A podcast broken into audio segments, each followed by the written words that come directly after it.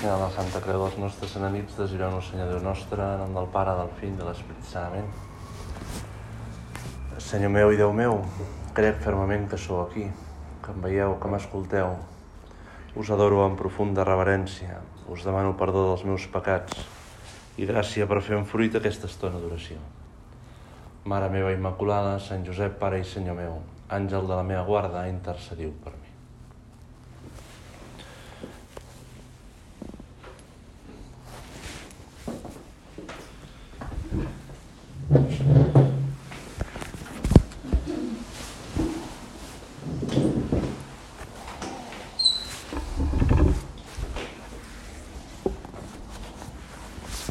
El papa Benet XVI, en ocasió de la canonització de Sant Josep Maria, va publicar un article a l'Observatore Romano, al diari del Vaticà, sobre el nostre pare i l'Opus Dei. L'article és molt com un testimoni personal, està escrit en primera persona, no és un anàlisi fred exterior, sinó com ell veu el Sant Josep Maria, com a ell ha entès l'Opus Dei, com ell, amb els anys, ha anat aprofunditzant. És com qui diu, porto molts anys davant de la realitat de l'Opus Dei, com a teòleg he intentat, l'he intentat entendre,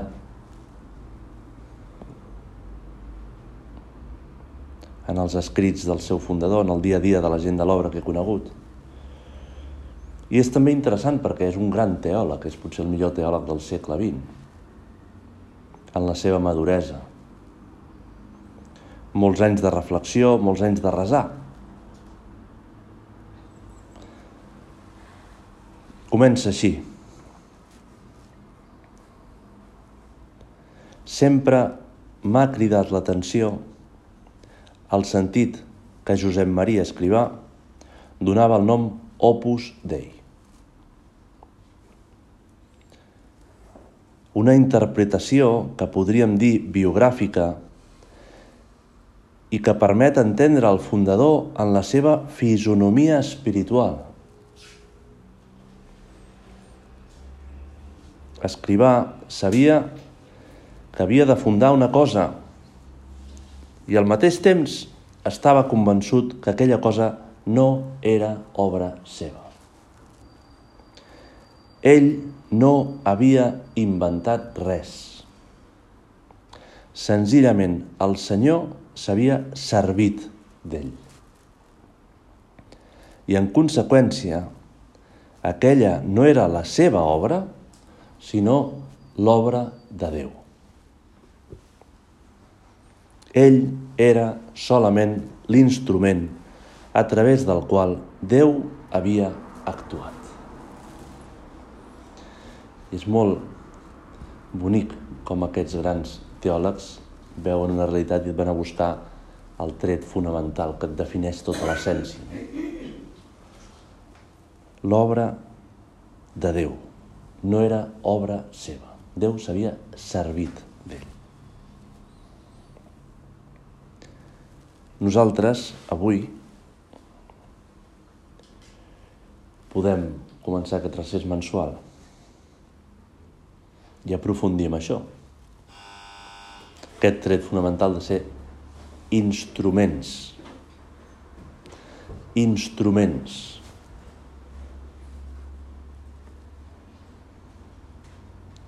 No som el violí de l'òpera magna de l'escala de, de Milan que guardes amb una funda i que és sagrat quasi, no? Som el rotulador que està posat en el, en el pot aquell i que l'utilitzes, no? Instruments, no? Instruments. I hem de pensar si es pot dir això també de nosaltres.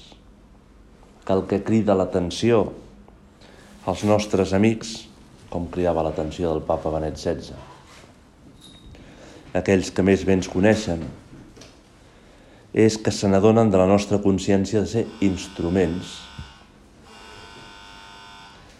que no fem una cosa pròpia, sinó l'obra de Déu. L'obra de Déu. Fa poc ha sortit un article publicat a la pàgina web de l'Opus Dei que analitza la figura del numerari de la numerària. I és espectacular. També té un tret fonamental com gran profund que diu és el que dona vida, és el que dona vida. No?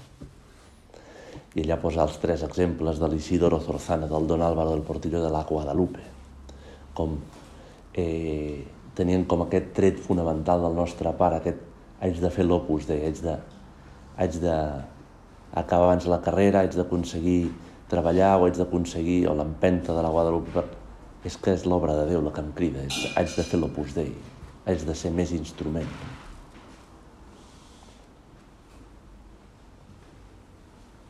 No fem una cosa pròpia, sinó l'obra de Déu. I ens hem de parar davant del Senyor. Els nostres amics, la gent que ens coneix, veu això. Em ve al cap la facilitat que tenen els nens petits per aprendre ràpidament a afirmar. Tu preguntes a un nen de segon de primària que et faci la seva firma i ja comença a fer tres, tres ratllotes, no? La facilitat que tenen a posar el seu nom a les coses, a identificar una cosa nova amb alguna senyal perquè tothom sàpiga que són seves, que és seu, una marca que la diferenciï dels altres. Potser nosaltres, que ja no som tan petits, malauradament, podem tenir aquesta tendència interior, també en coses espirituals, posar la nostra firma, que és, és com jo faig les coses.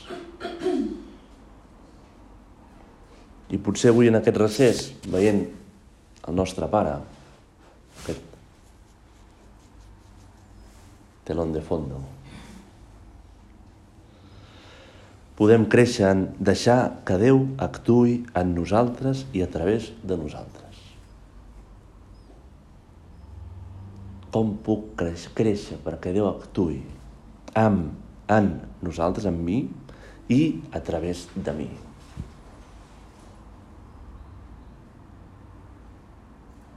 Com puc créixer en ser aquest sobre que porta un missatge, una carta, i que un cop arriba la carta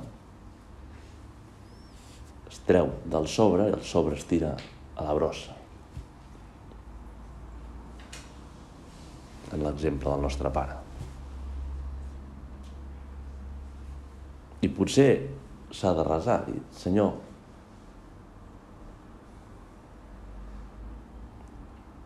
i demanar-li al nostre pare, deixar, saber deixar que Déu faci les coses. Saber deixar que Déu faci les coses. A vegades això té un component de que no entenem el camí de Déu, perquè vols fer les coses d'aquesta manera, Senyor, jo les faré d'una altra. Perquè vols fer, Senyor, les coses a, a través de la incomprensió, a vegades, a través d'una cosa que sembla dolenta, una ocasió, una, una distància efectiva, una, una adversitat, una debilitat, una mancança, un moment d'atabalament. Saber que Déu faci les coses. En paraules de Joan Baptista, convé que ell creixi, que jo disminueixi. Són paraules d'humilitat radical, són paraules de, molt fines espiritualment, no? molt boniques, Senyor, molt atractives. Saber que ell creixi i jo disminueixi, que Déu faci les coses amb mi i a través de mi.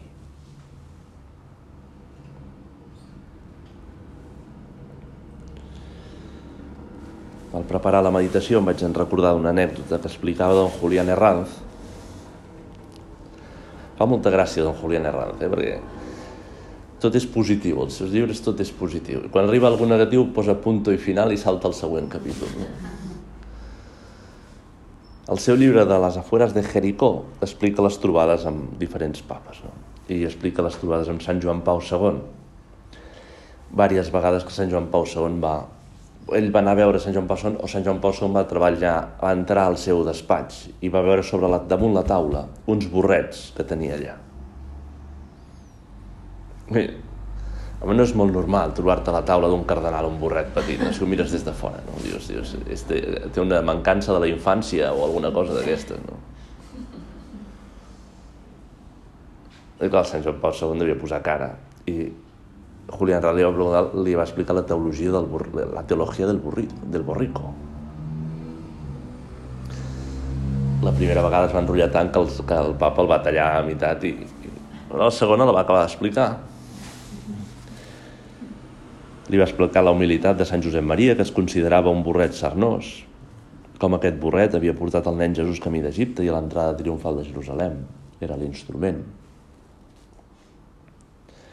Va afegir, santedat, si mira aquest burret, veurà que té unes orelles fines i estirades cap amunt. Monsenyor Escrivà comentava que són com antenes aixecades al cel per captar la veu del seu amo de Déu. I és que, per ser Opus Dei, el treball ha de ser contemplatiu, fet enmig del món, però en la presència de Déu. El papa Sant Joan Pau II li va agradar molt això. I el va mirar i li va dir, espero que vostè treballi amb l'esperit de, de, Sant Josep Maria, amb l'esperit d'escrivar. Que potser és el que ens dius a nosaltres, Jesús.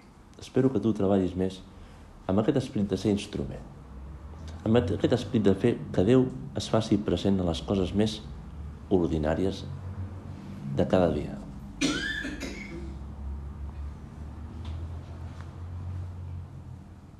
I això és el que volem també fer nosaltres, Senyor és el que aconseguirem si sabem ser bons instruments. Ninguna obra meva, Senyor, sinó tu. Que fem el que Déu vol. Saber escoltar el que Déu vol fer a través de nosaltres. Absolutament instruments. 100% instruments.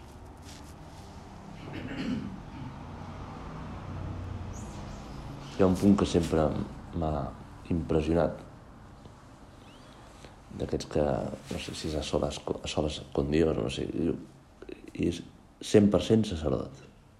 Cada vegada que l'he llegit m'ha interpel·lat. 100% sacerdot. Si no hi hagi res que no sigui sacerdot. 100%. Dius, 100% instrument. Absolutament instrument. Que no hi hagi res en la, que no deixi entrar Déu que no hi hagi ninguna part de mi en què no estigui fent l'opus Dei. És molt bonic. És molt gran. Rei Mides tocava les coses i es convertien en amor. Nosaltres les toquem i es converteixen en santes. És molt més gran. És molt més poderós. Però és una lluita de no anar firmant tot el que fem, és una lluita contra la autosuficiència, contra la supèrbia, contra intentar que sigui Déu el qui firma les nostres obres, que sigui Déu l'únic autor, que llavors totes seran obres d'art. De vegades quan les coses les volem firmar nosaltres, hi ha darrere un que la gent el vegi, que sigui reconegut, que sigui important, que em tinguin en compte.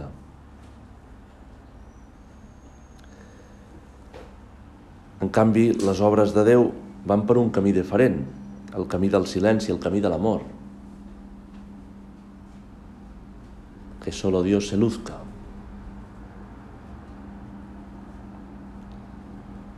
Com faig les coses, Senyor? He après a deixar-te-les fer a tu? Sé escoltar el que tu vols fer amb cada situació que em poses davant? Sé descobrir-ho perquè tinc la gràcia o m'has donat la gràcia o em donaràs la gràcia per fer-ho? Sé lluitar perquè tu creixis i jo disminueixi.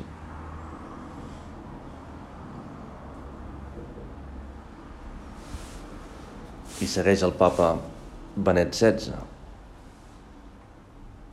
d'aquest article ha estat publicat a la web de l'Opus Dei amb motiu de la canonització.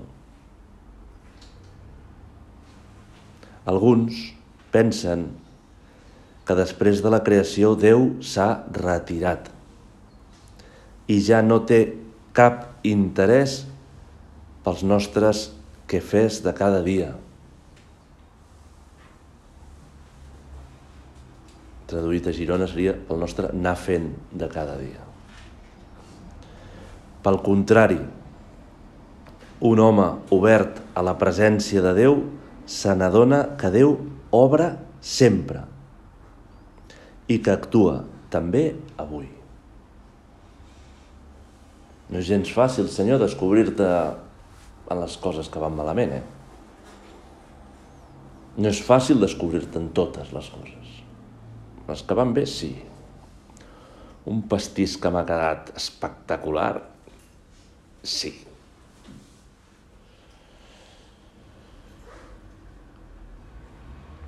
Per això, segueix el papa, hem de deixar-lo entrar i facilitar-li que obri en nosaltres. Així és com neixen les coses que obren el futur i renoven la humanitat. Tot això ens ajuda a comprendre per què Josep Maria Escrivà no es considerava fundador de res i per què es veia només com un home que vol complir la voluntat de Déu. Ara que estem nosaltres en aquest recés, veiem el nostre pare que ens mira, també podem pensar si ens, si ens n'adonem que som aquests instruments ara per fer que Déu obri el món, per fer que Déu actui en el món. Com una porta màgica que obres i entres a un espai sagrat. No? Hem d'obrir aquesta porta màgica a la nostra vida normal, ordinària, perquè Déu obri la nostra vida ordinària. Hem de treure la clau, posar la clau al pany, obrir aquesta porta a la sobrenaturalitat, a la... donar-li sentit a tot, perquè tu estàs present, Senyor.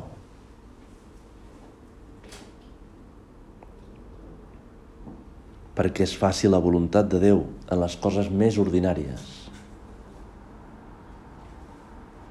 Alguns potser han aparcat a Déu a dins les esglésies, l'han retirat del món. Podríem dir en paraules del papa Benet XVI. I aquí tenim la grandesa, el missatge, la immensitat del missatge del nostre pare. Nosaltres som els que fem a Déu present al món. o potser millor dit, que Déu es fa present a través nostre, obra a través nostre. Al preparar la meditació se'm va venir al cap una bogeria que potser farà suar les dents algun teòleg. És un exemple una miqueta agosarat. A l'Eucaristia, la permanència de la presència de Déu a l'Eucaristia, de Jesús a l'Eucaristia. Es diu que desapareix la presència de Déu de la forma del pa quan, quan deixa de ser pa. Quan aquest es corromp,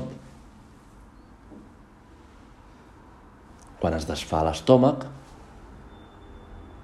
o si una partícula és tan petita que ja no es reconeix com a pa, Jesús ja no hi és. Pensava que nosaltres som com la forma, el cos, que fa aquesta presència de Déu en el món. Som com la substància que que Déu transubstancia en la realitat ordinària, en la realitat més material. I el que era el pa, un aliment ordinari que es converteix en presència eucarística, doncs pot ser qualsevol feina petita que fem, qualsevol somriure, allà es transsubstancia Déu. Ja us he dit que faria suar les dents d'algun teòleg, això, eh?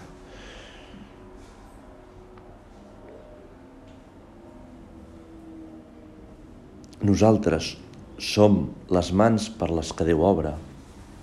Nosaltres som el cor a través del qual Déu estima i comprèn a les altres. I podríem seguir pots seguir tu.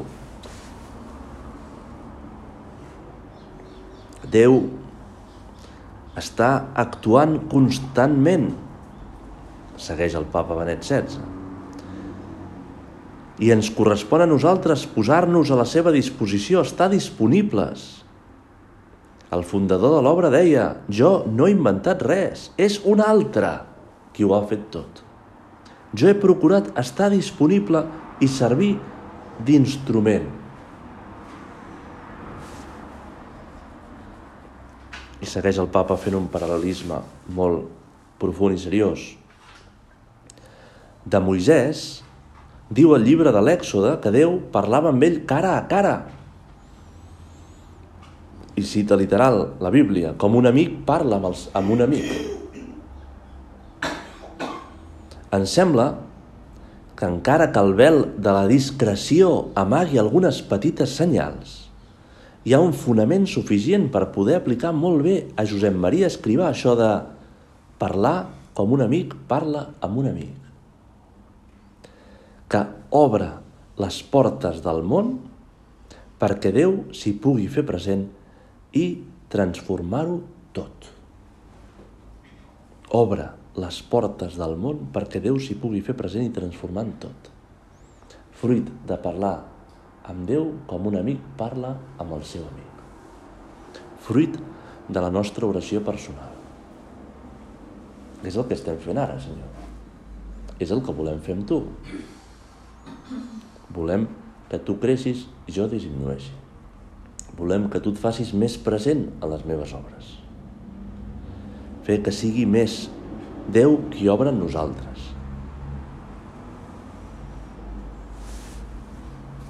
Com podem llimar les estridències que no són de Déu, sinó nostres, els defectes? En aquesta oració personal, d'amistat de tu amb, amb tu, Jesús, obre les portes del món perquè Déu s'hi pugui fer present i transformar-ho tot. Obre, descobreix,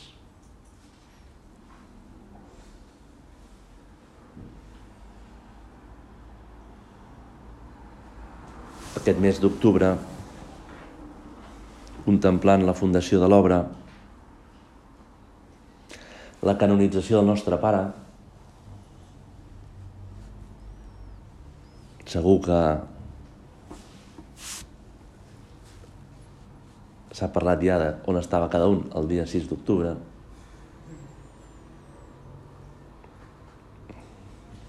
Qui va aconseguir acostar-se més i qui va quedar-se al pont de Sant'Àngelo.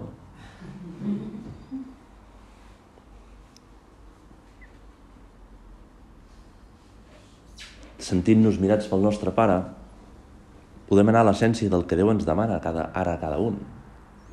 Instrument per fer present a Déu a través de les coses més senzilles i ordinàries. Instrument 100%.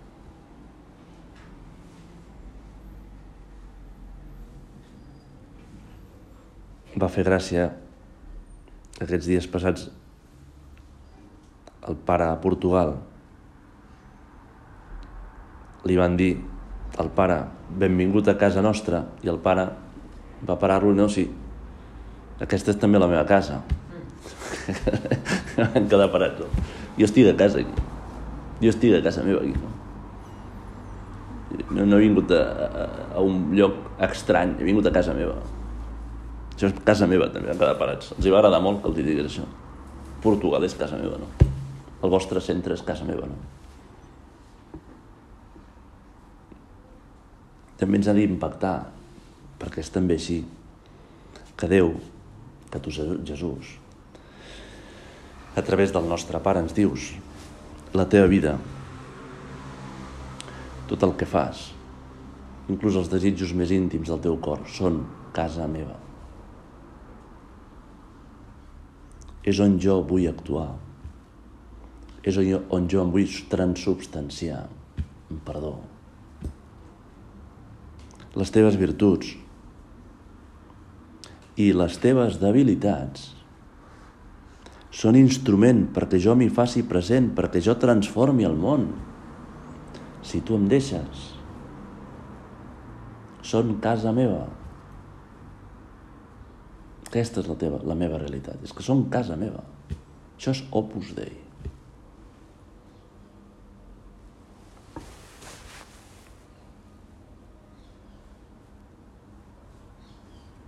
Acaba el papa Benet XVI aquest article testimoni. Per tot això, diu, he comprès millor la fisonomia de l'Opus Dei, en el que estan molt lligats l'absoluta fidelitat a la tradició de l'Església, a la seva fe, amb la desarmant simplicitat i apertura incondicionals a tots els desafiaments d'aquest món, sigui en l'àmbit acadèmic, en el treball ordinari, en l'economia, etc. Qui està vinculat amb Déu, qui manté un diàleg ininterromput amb ell, pot atrevir-se a respondre als nous desafiaments i no té por.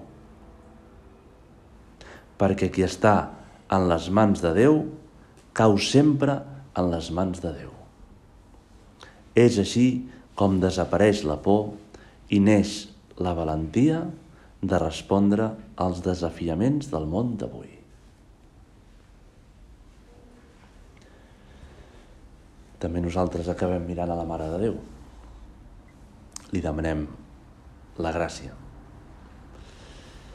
que ens aconsegueixi la gràcia necessària per entendre, per aprofundir avui una miqueta més això, per veure detalls concrets, Mare Nostra, en els que nosaltres podem disminuir per deixar créixer Jesús en nosaltres.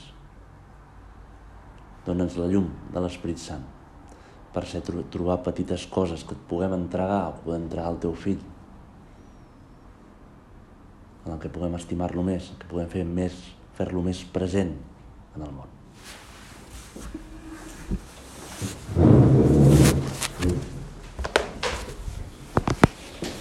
Us dono gràcies, Déu meu, pels bons propòsits, efectes i inspiracions que m'heu comunicat en aquesta meditació. Us demano ajuda per posar-los per obra, Mare meva Immaculada, Sant Josep, Pare i Senyor meu, àngel de la meva guarda, intercediu per mi.